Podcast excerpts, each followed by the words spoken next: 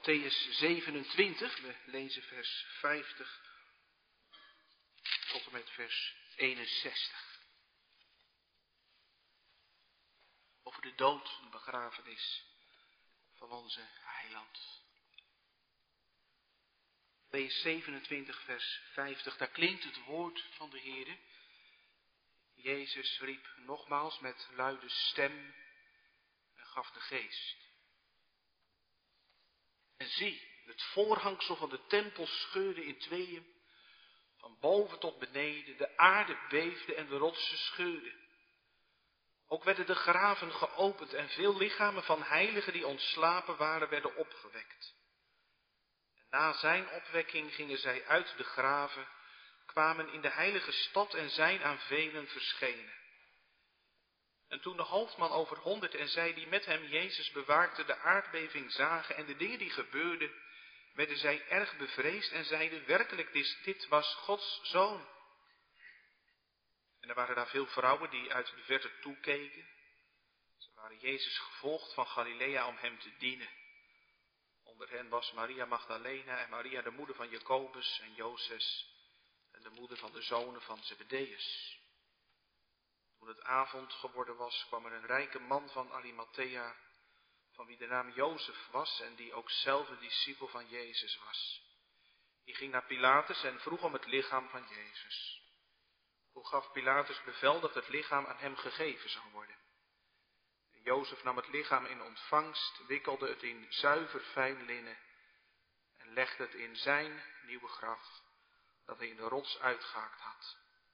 En nadat hij een grote steen voor de ingang van het graf gewenteld had, ging hij weg.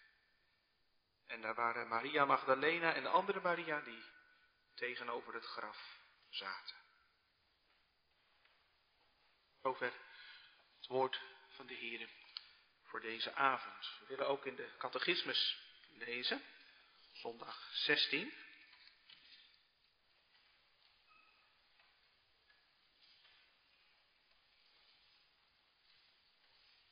Gaat het over de vierde trap van de vernedering. Weet je nog, jongens en meisjes? De Heer Jezus gaat een weg.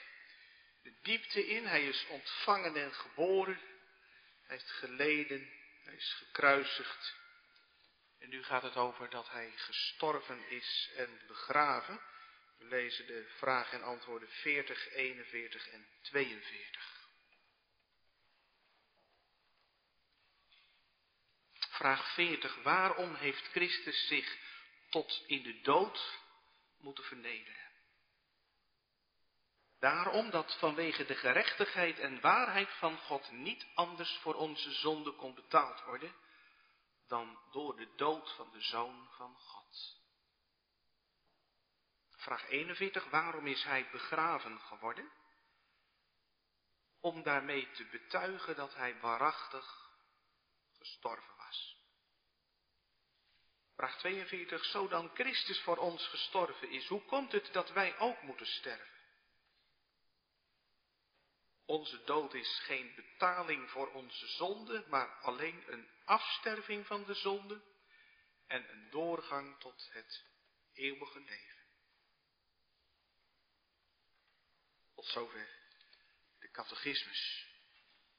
Jongens en meisjes, als je op reis gaat, dan uh, bereid je je voor En hoe groter de reis is, hoe beter je je voorbereidt, hoe langer het duurt voordat je je voorbereid hebt. In een school gaat, dat ook een soort reis zou je kunnen zeggen. Nou ja, je moet natuurlijk je wekker zetten.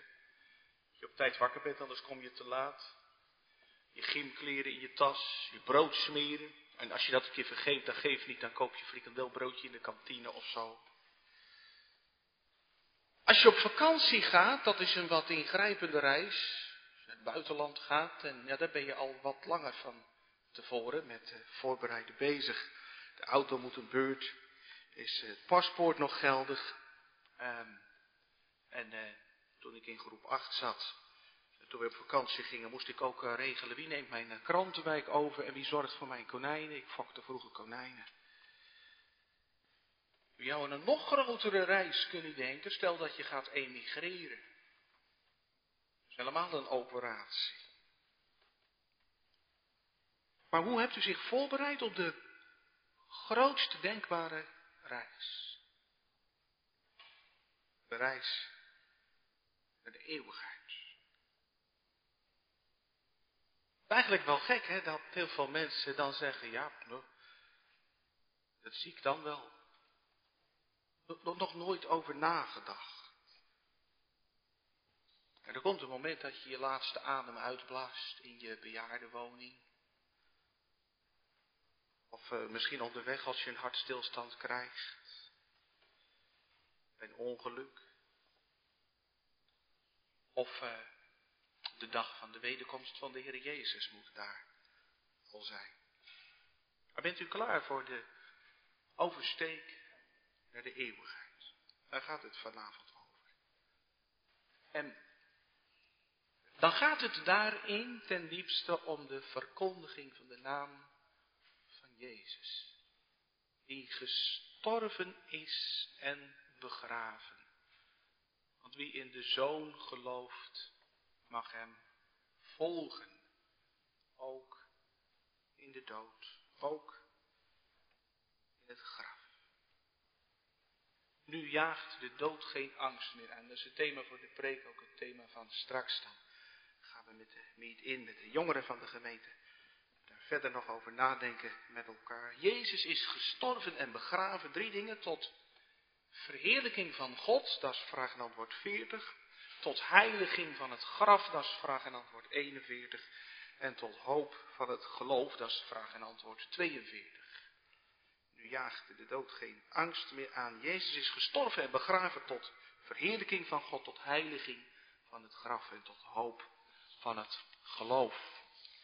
Stel dat we bij elkaar eh, op de bank zouden zitten en ik zou aan u vragen, joh, of uh, dat zeg ik natuurlijk niet tegen u, maar wel tegen jou, uh, joh, waar denk je aan als het gaat over de dood?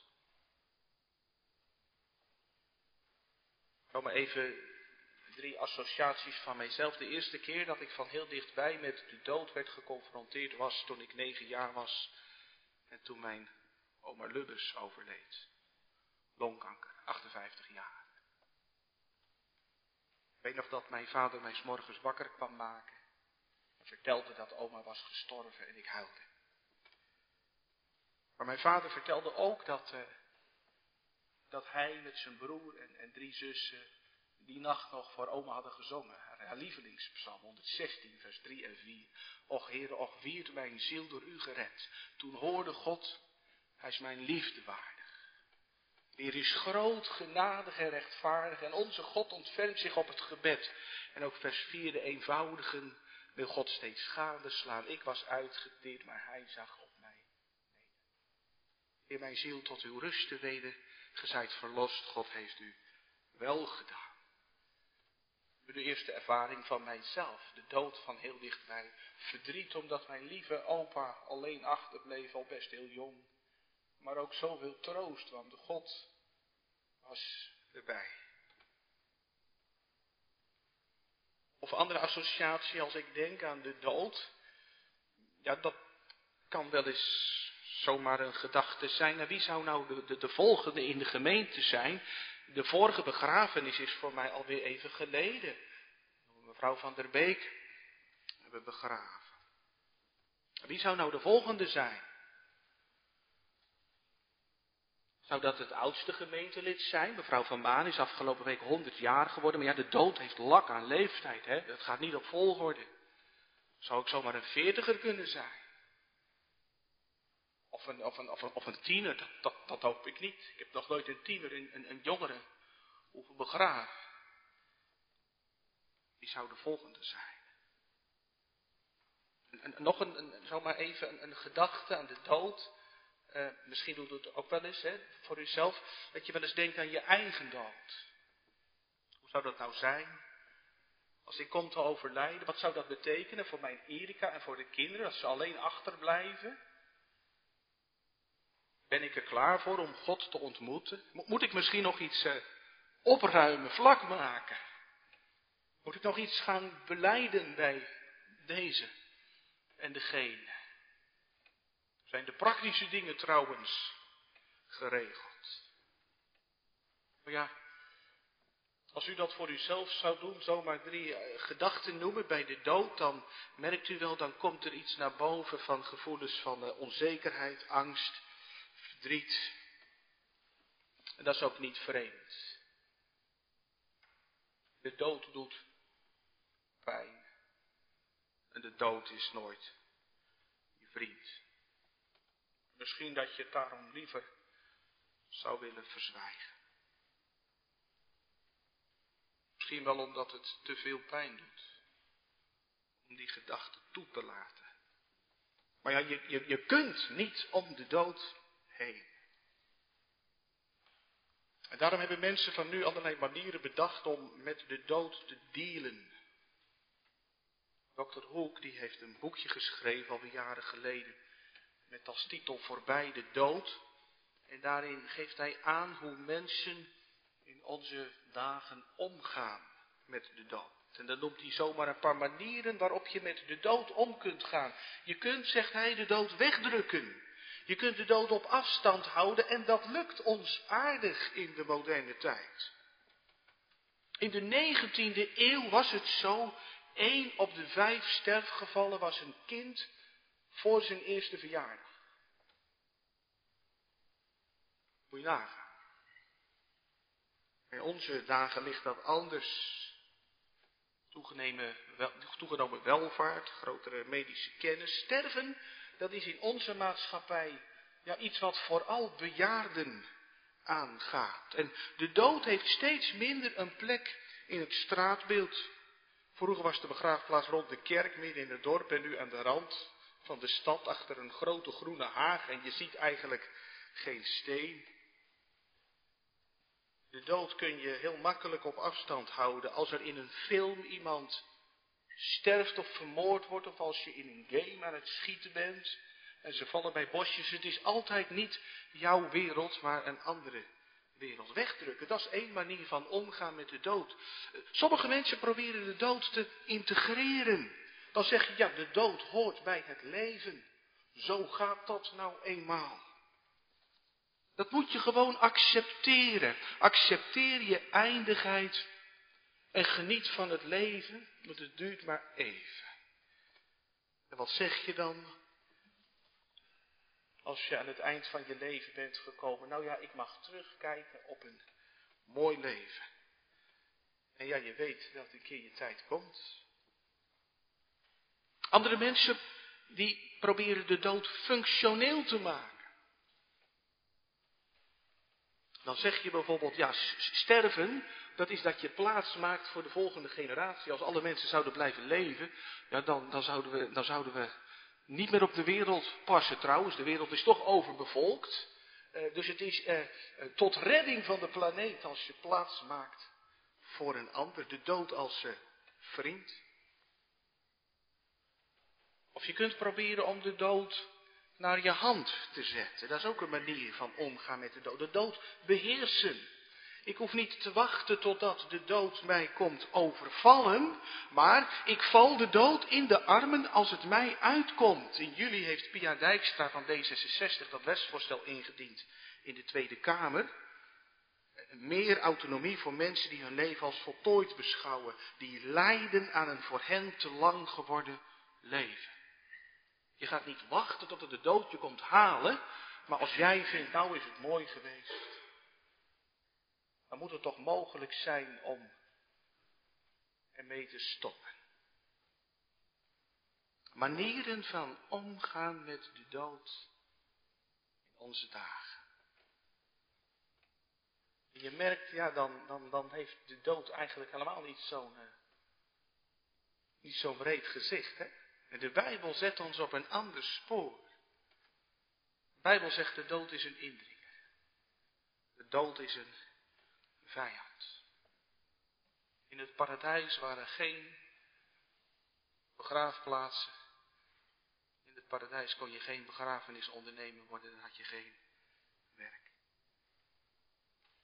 Dood hoort niet bij het leven, maar de dood is de straf de zonde. Romeinen 6, daar zegt Paulus dat. Want het loon op de zonde Dood.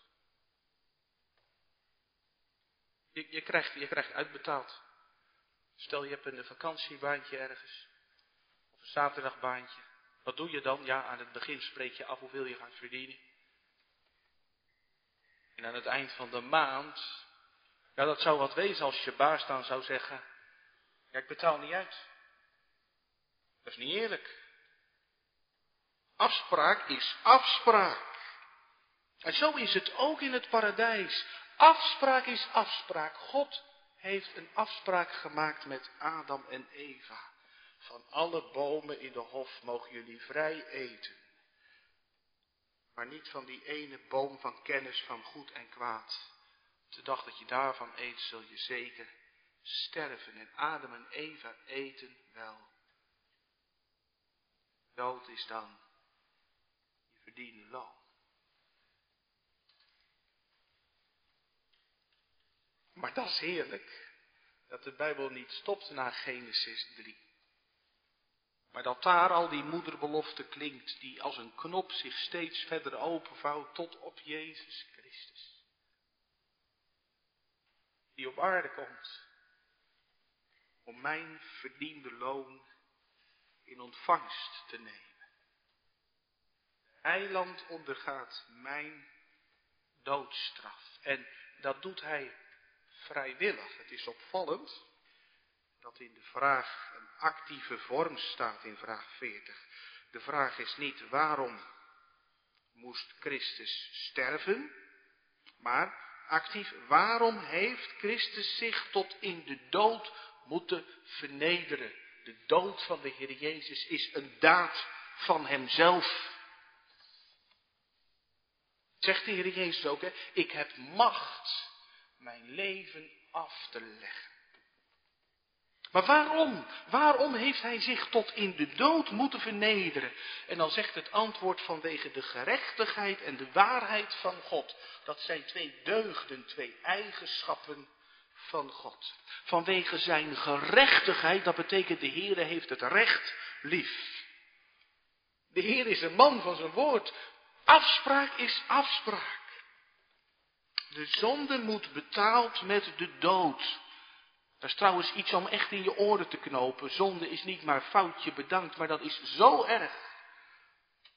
Dat je het recht op je leven verspeelt als je afwijkt van dat wat God van je vraagt. Dat je Hem lief hebt boven alles en je naaste als jezelf. En afspraak is afspraak. De Heer wijkt niet af naar links en de Heer wijkt niet af naar rechts. Zelfs niet als het gaat om zijn eigen lieve enige geworden zoon.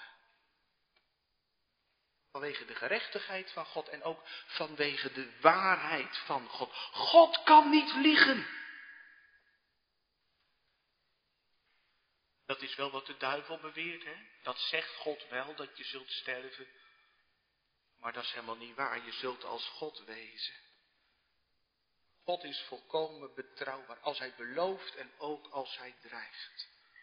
Zo lief heeft God de waarheid, dat hij zijn eigen zoon de dood in stuurt. Plaatsvervangend, voor wie de toevlucht neemt tot hem. Zo lief had Jezus zondaars, dat hij voor hen stierf. Is hij uw borg, uw, uw plaatsvervanger. Kom ik, kom ik straks nog wat uitgebreider op terug, maar daar, daar draait het wel om, hè? daar scharniert het wel om. Want als de Heer Jezus niet uw rekening mag betalen, als de Heer Jezus niet uw verdiende loon in ontvangst mag nemen, dan moet je zelf die rekening betalen. Want, oh ja, de Heer wijkt niet af van het recht. Dat deed hij niet in het geval van zijn zoon, die de schuld van de wereld op zich nam. Toen zei de Heer niet, ja maar dan doe ik het niet. Dan, dan kom ik maar terug op wat ik had gezegd. Nee, God is een man van zijn woord, vanwege de gerechtigheid en de waarheid van God. Maar de Heer wijkt ook niet in uw geval, in jouw geval af van het recht. Dat denken mensen soms wel. Die wandelen als het ware op een denkbeeldige derde weg die er helemaal niet is. Ja, ik ben niet goed genoeg voor de hemel, maar ja, ik ben ook niet slecht genoeg voor de hel. En God is toch liefde? En ik durf dat gokje wel te wagen. Zal mij benieuwen hoe het straks afloopt. Maar ik ben altijd goed geweest voor mijn naaste. Ging trouw naar de kerk en zo. Maar meer kun je toch niet doen.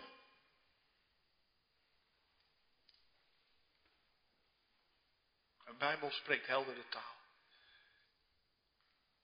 Wie, wie in de zoon gelooft, die heeft het eeuwige leven. Maar wie de zoon ongehoorzaam is, zal het leven niet zien. Maar de toorn van God blijft op hem. Als je de zoon ongehoorzaam bent,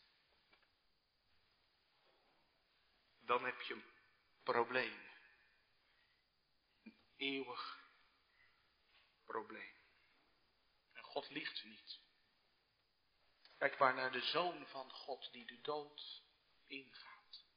Want God wijkt niet af naar links en niet naar rechts. God liegt niet. Dat heeft trouwens ook die prachtige keerzijde. God meent het. Als hij zegt, door zijn zoon komt herwaarts tot mij. Alle die vermoeid en belast zijn. Ik zal u rust geven. Wend u naar mij toe, wordt behouden alle gij der aarde. Want ik ben God en niemand meer. God liegt niet. Dat was het eerste. Jezus gestorven en begraven tot verheerlijking van God. Ook tot de heiliging van het graf. Want vraag 41 stelt dan de vraag aan de orde waarom is de Heer Jezus ook begraven geworden. En dan is het antwoord heel eenvoudig om daarmee te betuigen dat hij echt gestorven was. Het graf is het bewijs dat de Heer Jezus werkelijk in de dood is geweest. Er hoeft geen misverstand over te bestaan. Die handen van de Heer Jezus, die zieken hebben genezen, waarmee hij Petrus heeft vastgegrepen toen hij wegzonk in de golven, waarmee hij de voeten van zijn discipelen heeft gewassen. Die werden doorboord en die werden stijf.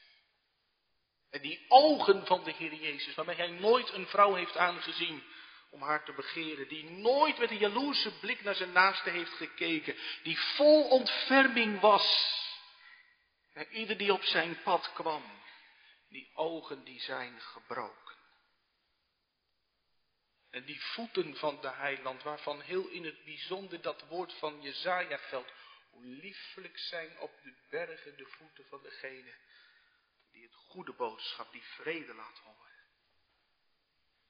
Die voeten die, die zijn in de dood geweest. Dat hart van de heiland, waarmee hij heeft lief gehad. Lief gehad tot het einde. Dat stopte met kloppen. Het hart is doorstoken. Je zou dan de vraag kunnen stellen, maar de Heere God had toch zijn zoon kunnen opwekken gewoon meteen op de avond van Goede Vrijdag. Direct na zijn sterven.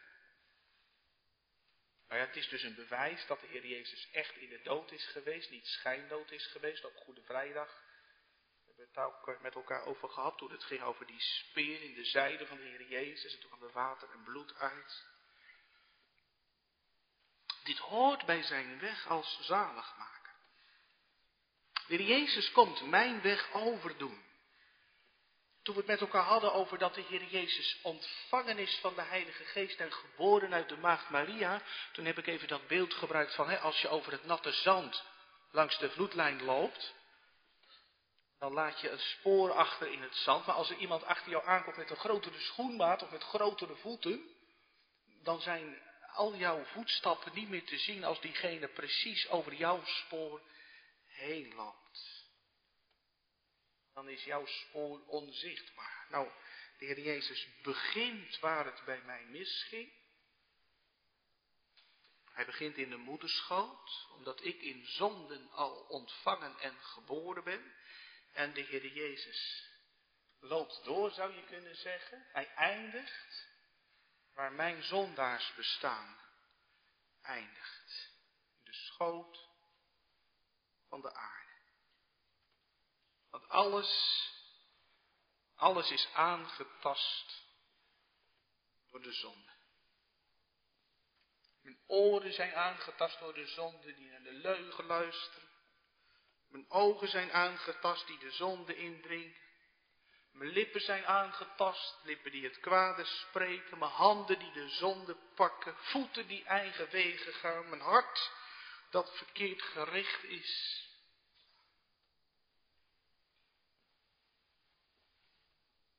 Dan dat woord, hè, na de zonde van stof, zijt gij en tot stof zult gij weerkeren. Maar dat is wel een aangrijpende werkelijkheid. Toch, bij een open graf staat, je vader of je moeder wordt in de koude aarde gelegd, je man, je vrouw, je kind, opa, oma, van wie je zoveel hebt gehouden. En dan bedenken, stof bent u. Tot stof zult u terugkeren. Mijn lichaam gaat tot de ontbinding over. is alles wat van me overblijft. Met alles wat ik in mijn leven misschien heb gepresteerd en heb bereikt. Hartverscheurend is dat, ontluisterend, vernederend. Want daar lig je dan, uitgewerkt, uitgepraat.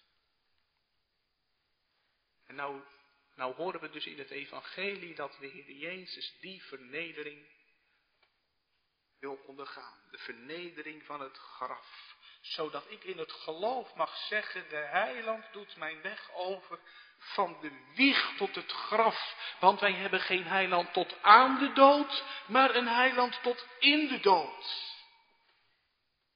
Heerlijk.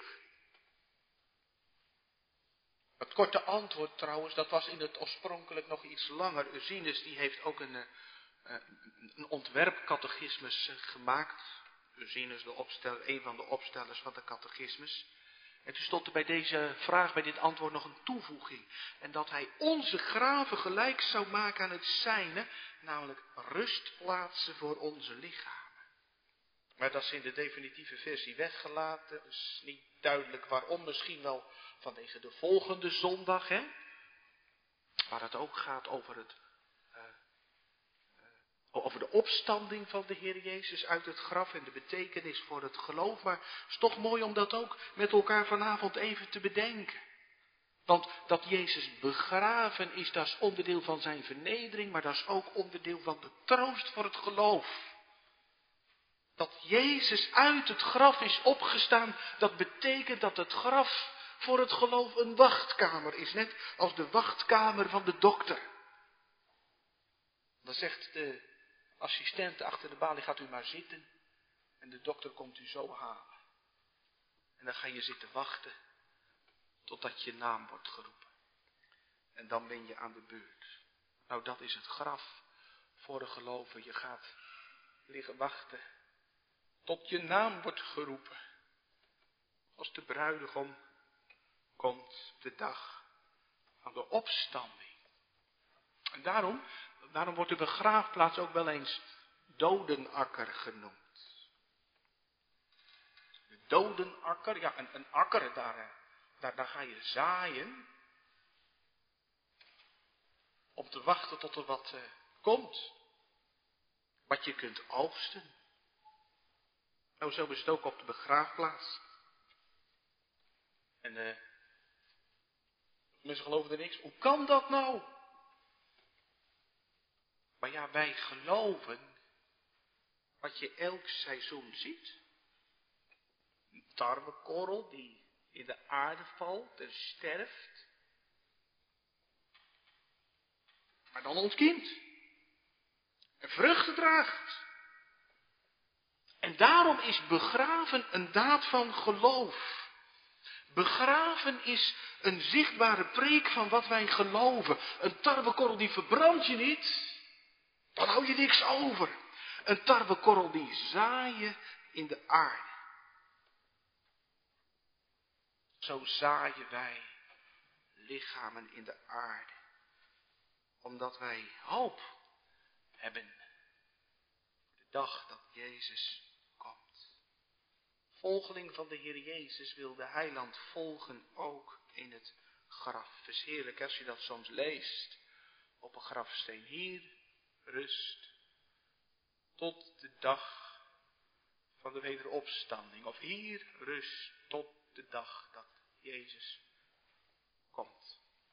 Want vanuit het evangelie valt er licht over de graven. Luther, die gebruikt een heel mooi beeld. Die zegt, begraven, dat is, dat is zoals een moeder die een kind in de wieg vlijt. En dan een kruik erbij. De Jezus heeft het graf voorverwarmd. Hij, hij ging eerst. En de, het, het graf blijft natuurlijk een aangrijpende werkelijkheid. Daar hoef je niks van af te doen. Hartverscheurend en toch zalig de doden. Die de Heere sterven. Ik, ik moet loslaten alles wat mij lief en dierbaar was. Maar Jezus gaat mee het graf in. Gaat mij vol bij Jozef van Arimathea heel letterlijk, hè? Een, een nieuw graf, zijn eigen nieuw graf. Maar Jezus gaat er eerst in. Het graf is voorverwarmd door Jezus zelf. Er stonden dus twee bejaarde kinderen. Twee, twee bejaarde kinderen van God bij het, eh, bij, bij, bij het open graf van, uh, van hun broer. En de, een die, die, die, die, wees naar dat graf en die zei tegen zijn broer, daar moeten wij ook in. Broer, straks. Toen zei die ander, jawel, maar wij zijn niet de eerste. En hij bedoelde niet, eh, broer ging eerst. Jezus ging ons voor. Hij heeft het graf geheiligd. En toen zei die andere broer, amen. Het is heerlijk als je daarvan leeft. Als je het weet, veilig in Jezus' armen, ook onder het zand. Ook onder mijn steen. Dank mijn heiland voor uw lijden. Voor uw trouw. Tot in de dood. Maar heeft de catechismus nog een vraag? Deze vraag als Christus dan voor ons gestorven is, als Hij dan mijn verdiende loon in ontvangst komt nemen, hoe komt het dan dat wij ook moeten sterven? Eigenlijk wel een begrijpelijke vraag toch? Als de Heer Jezus dan in mijn plaats de doodstraf draagt, waarom moet ik dan toch sterven? Waarom kan ik dan niet zoals Henoch de hemel binnenwandelen? Of waarom kan ik dan niet zoals Elia opgenomen worden? In een uh, paard en wagen van vuur. Dat bad ik altijd als kind. De Heer mij op wilde halen, net als Elia, omdat ik bang was om te sterven. Waarom kan het niet op die manier? Jezus is toch mijn dood gestorven. En dan zegt de catechismus, onze dood is geen betaling voor de schuld. Als je een kar boodschappen haalt bij de supermarkt, jongens en meisjes, hoef je niet twee keer langs de kassa. Als je betaald hebt, dan zijn de boodschappen van jou, dan is het klaar, dan kun je naar huis, dan mag je het meenemen. Niet nog een keer langs de kassa. Als de Heer Jezus mijn dood gestorven is, als ik dan ook sterf, dan is dat niet omdat er twee keer betaald moet worden.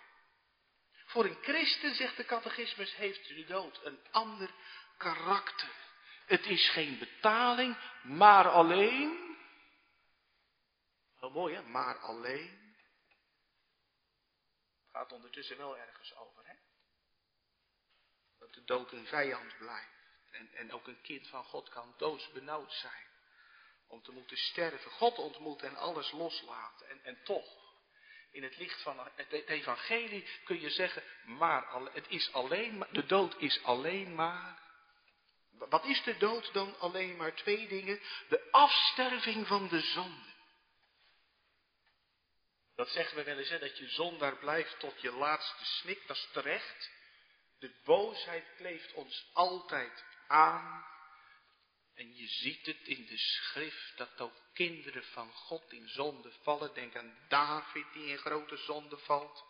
Denk aan Abraham die momenten kent van, ja, dat hij zijn vertrouwen verliest, dat hij het verwacht van zijn eigen slimheid. Job vervloekt zijn geboortedag bij alle mooie dingen die hij heeft beleden.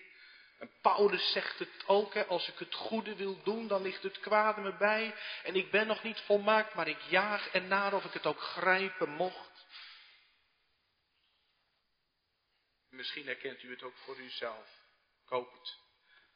Dat je van genade hebt leren leven. En dat je toch merkt, de zonde blijft achter me aankomen.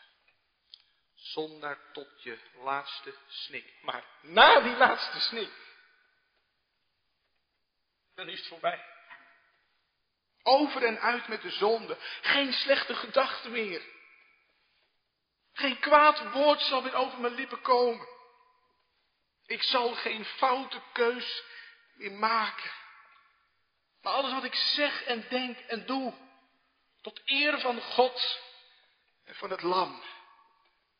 Daarom zegt Paulus, het leven is mij Christus en het sterven winst.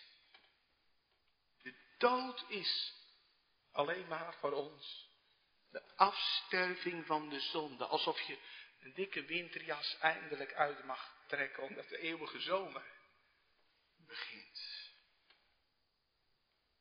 De afsterving van de zonde en de dood is voor een gelovige ook de doorgang tot het eeuwige leven.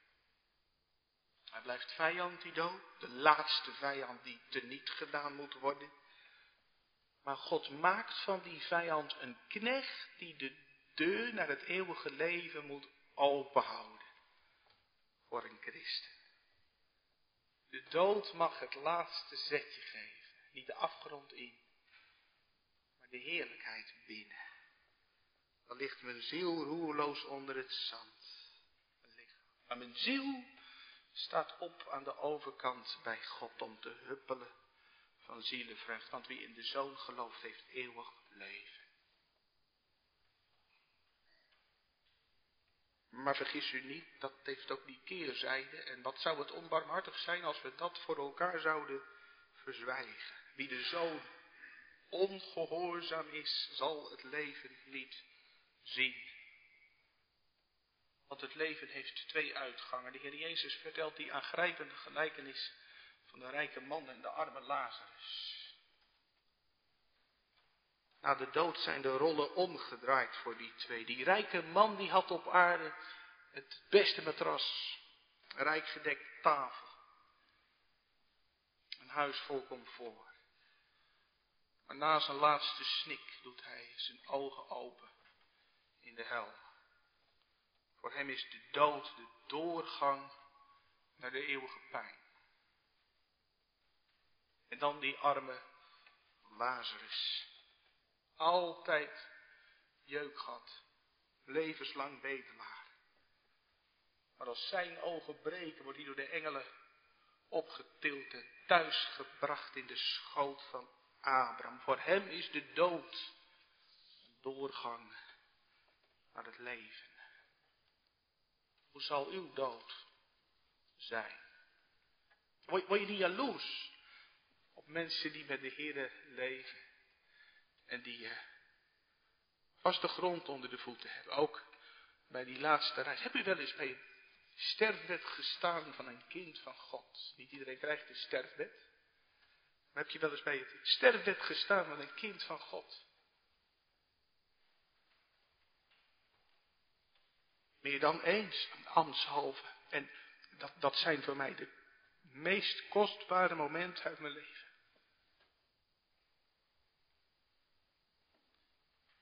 De vrede. Was door alle pijn heen. Ik denk aan die jonge vader die maanden ziek geweest was, in het ziekenhuis verbleef en in coma op een gegeven moment terecht kwam. En toen die dacht dat de beademing gestopt zou worden. Dat was Goede Vrijdag. Dat was hartverscheurend. Er was een jonge vrouw en vier jonge kinderen bleven achter. Maar het licht van God was er ook. Vader diende de Heer met heel zijn hart. En toen hebben we gezongen, vlak voordat de stekker van de beademing eruit gehaald werd. Ik ben reizend naar die stad. Christus het licht zal zijn om eeuwig daar te zijn. Verlost van smart en pijn. Dan hoef je niet blind te staren op dat wat voor ogen is. Maar mag je over de dood en over het graf heen blikken. Tot op Jezus. Ook kinderen van God kunnen aangevochten worden. De duivel zit echt niet stil. Hij probeert het vast. Ook als je op je sterfbed ligt en de Heer mag dienen. Wat jij gedaan hebt is te erg. Komt hier nog een keer herinneren. Aan al die dingen die je misschien liever al lang vergeten was. Er is geen plaats voor jou, je gaat verloren. De duivel kan het je knap lastig maken. Wat de duivel zegt is wel zwaar, maar niet waar. Jezus zegt, ik ga heen om uw plaats te bereiden. Wie in de Zoon gelooft, heeft het eeuwige leven. En als je dan iemand sterfbed staat, ja, de wereld zegt als je op je sterfbed ligt, je bent er bijna geweest. Maar een christen zegt van een medepelgrim, je bent er bijna. Het lijden van deze tegenwoordige tijd weegt niet op tegen de heerlijkheid die wacht. Als je dat niet hebt, dan weet ik het ook niet meer. Waar ben je dan aan? Al heb je tonnen op de bank, al heb je duizenden volgers op Insta.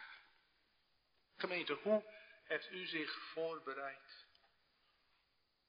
Die allergrootste reis. Bent u klaar voor vertrek? Ik weet nooit precies wanneer die trein gaat rijden. Wel dat moment komt, die laatste reis. Het is goed om dat ook in praktische zin te doen als je dat nog niet hebt gedaan. Om een laatste wilsbeschikking in te vullen. Waarom zou je dan mee wachten tot je tachtig bent? Vader gekend, die eh, helemaal gewoon gezond was, niks aan de hand. Er stond een map in de kast, konden ze zo pakken en zijn kinderen wisten. En daar staat alles in voor als papa sterft. Want dat is een bijbelse opdracht.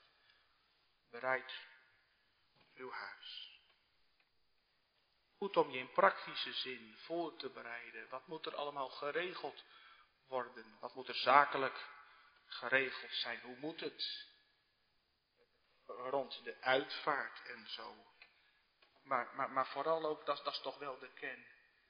Geestelijk voorbereid op die laatste reis. Hoe kan ik dan mij voorbereiden op die oversteek door de doodsjordaan? Ben ik daar klaar voor?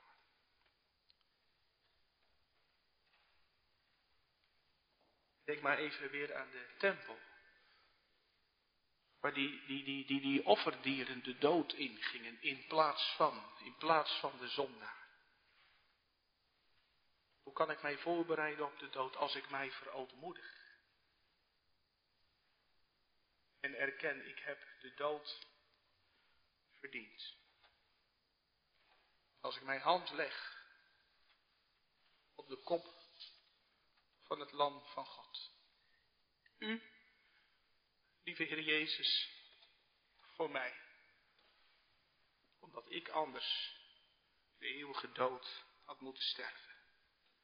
Waar is Jezus dan, zegt u? Waar is dat lam? Dat lam is waar het woord is. Hij is vanavond hier in de verkondiging van het evangelie. Voor zijn stem. Ik ben de opstanding en het leven. Die in mij gelooft zal leven, al was hij ook gestorven. En ieder die leeft en in mij gelooft zal niet sterven in eeuwigheid. En dan zegt de Heer Jezus erachteraan, gelooft u dat? Want het is niet vrijblijvend in de kerk. Er moet aan deze kant van het graf een antwoord komen op die vraag. In elke dienst is ook de klem van de eeuwigheid. We komen samen onder hoogspanning. En ik vond dat vroeger helemaal niet zo fijn als de dominee elke week zei, vanavond kun je wel verongelukken. Maar zou het nou eerlijk zijn als we dat nooit tegen elkaar zouden zeggen, als je dat nooit zou bedenken? Wat is ons leven kwetsbaar? Laat dat maar toe. Praat vanavond maar eens met de Heer over je dood. Kan mij wel eens uh, aanvliegen, hè? als er iemand in de gemeente overlijdt en je gaat even in gedachten terug. En hier was hij dan voor het laatst in de kerk, waar ging de preek over, wat heb ik toen gezegd? Heb ik niet te vrijblijvend gepreekt? Was ik wel eerlijk genoeg? Het is een persoonlijke zaak. Ik een keer een verhaal tegen over een man die zijn vrouw altijd alleen naar de kerk liet gaan. En als dan zijn vrouw de deur uitging, dan, dan zei hij, dit jij maar meteen van mij. Totdat die man een keer op een nacht een hele vreemde droom had. Hij droomde dat, uh, dat ze allebei kwamen te sterven op één dag. Hijzelf en zijn vrouw. En dat ze samen bij de hemelpoort kwamen klopte aan. En van achter die hemelpoort hoorde die man een stem. Vrouw, kom binnen. Je komt zeker ook meteen voor je man. Hebt u een bon? Heb jij een bon? Je kunt niet zeggen, ja maar mijn vader was ambtsdrager of uh, ik had een bekeerde oma of ik, ik zat in een degelijke gemeente. Is Jezus uw borg. werk van de Heilige Geest. Als je met je hart erboven opvalt, als Hij wordt verkondigd. En je zou aan je hart willen drukken. U zegt, is dat genoeg dan? Die in de Zoon gelooft, is dat alles? Is dat genoeg? Moet ik dan niet een heel mooi bekeringsverhaal kunnen vertellen? Moet ik dan niet meer dit en dat doen in mijn leven, meer getuigen en zo? Moet ik niet mijn zonde dieper voelen? Gaan we nog heel even naar Golgotha, Matthäus 27. Daar gaat de Heer Jezus de dood in. En de Vader neemt er genoeg mee. De Vader levert twee bewijzen dat dat genoeg is. Twee overduidelijke tekenen het voorhangsel in de tempel scheurt. De toegang is vrij. Wij dan gerechtvaardigd door het geloof hebben vrede met God. Door dat bloed van het lam. En nog een teken. Er staan doden op. Als Jezus de dood ingaat. Vader neemt er genoegen mee. Opdat wij er ook genoeg aan zouden hebben. En niets zouden toevoegen aan het werk van hem die gestorven is en begraven. Want iets toevoegen, dat kan niet. Dat mag niet. Met hem kan ik mijn laatste reis maken. In de Christenreis van John Bunyan, kent u ongetwijfeld, en dan is het goed om het nog weer eens een keer te gaan lezen. De christen ziet uh, zijn zonde bij het kruis verdwijnen. En toch durft hij niet door de doodsrivier. En dan vraagt hij aan de engel die hem tegemoet komt, is het water overal even diep? En dan zegt die engel, nee, het water is des te minder diep, naarmate u uw ogen vestigt op de koning aan de overkant. Een mooi antwoord. ogen vestigen op de koning aan de overkant. Want dan kan ik zeggen met Psalm 23, moet ik ook gaan. Door het dal van schaduw van de dood. Ik vrees geen kwaad, want u bent met mij. U ging mij voor. Gemeente, ik weet niet hoe het is om, om op je sterfbed te liggen. En uh, ik weet ook niet of ik een sterfbed krijg. Maar uh, als het zover zou zijn en u bent in de buurt. U mij dan de naam van Jezus noemen? Dat is toch alles wat je overhoudt. O Jezus, hoe vertrouwd en goed klinkt mij uw naam in het oor. Als ik van alles scheiden moet, gaat nog die naam mij voor. Ik sluit af met een verhaal wat u misschien wel kent van Joden liefde over een jongetje dat sterven moet. Het jongetje wist wat genade was, had de Heer Jezus lief gekregen. En toch was hij zo bang om te sterven. En hij zei, mama, het zou niet zo erg zijn als u mijn hand maar vast kon blijven houden. En toen zei zijn moeder, weet je nog, wij samen altijd gingen wandelen door het weiland. En weet je nog dat wij toen bij de sloot kwamen met dat smalle plankje erover? En dan ging moeder altijd eerst erover. En dat jochie dan erachteraan alleen er ook overheen, want het plankje was te smal. Maar dan stond moeder aan de overkant met uitgestoken handen te wachten. Dan zei ze. Toen zei ze tegen haar jongen, ik, ik, ik houd je hand vast. En als de dood komt, dan, dan, dan moet jij alleen over het plankje aan de overkant staat. Jezus.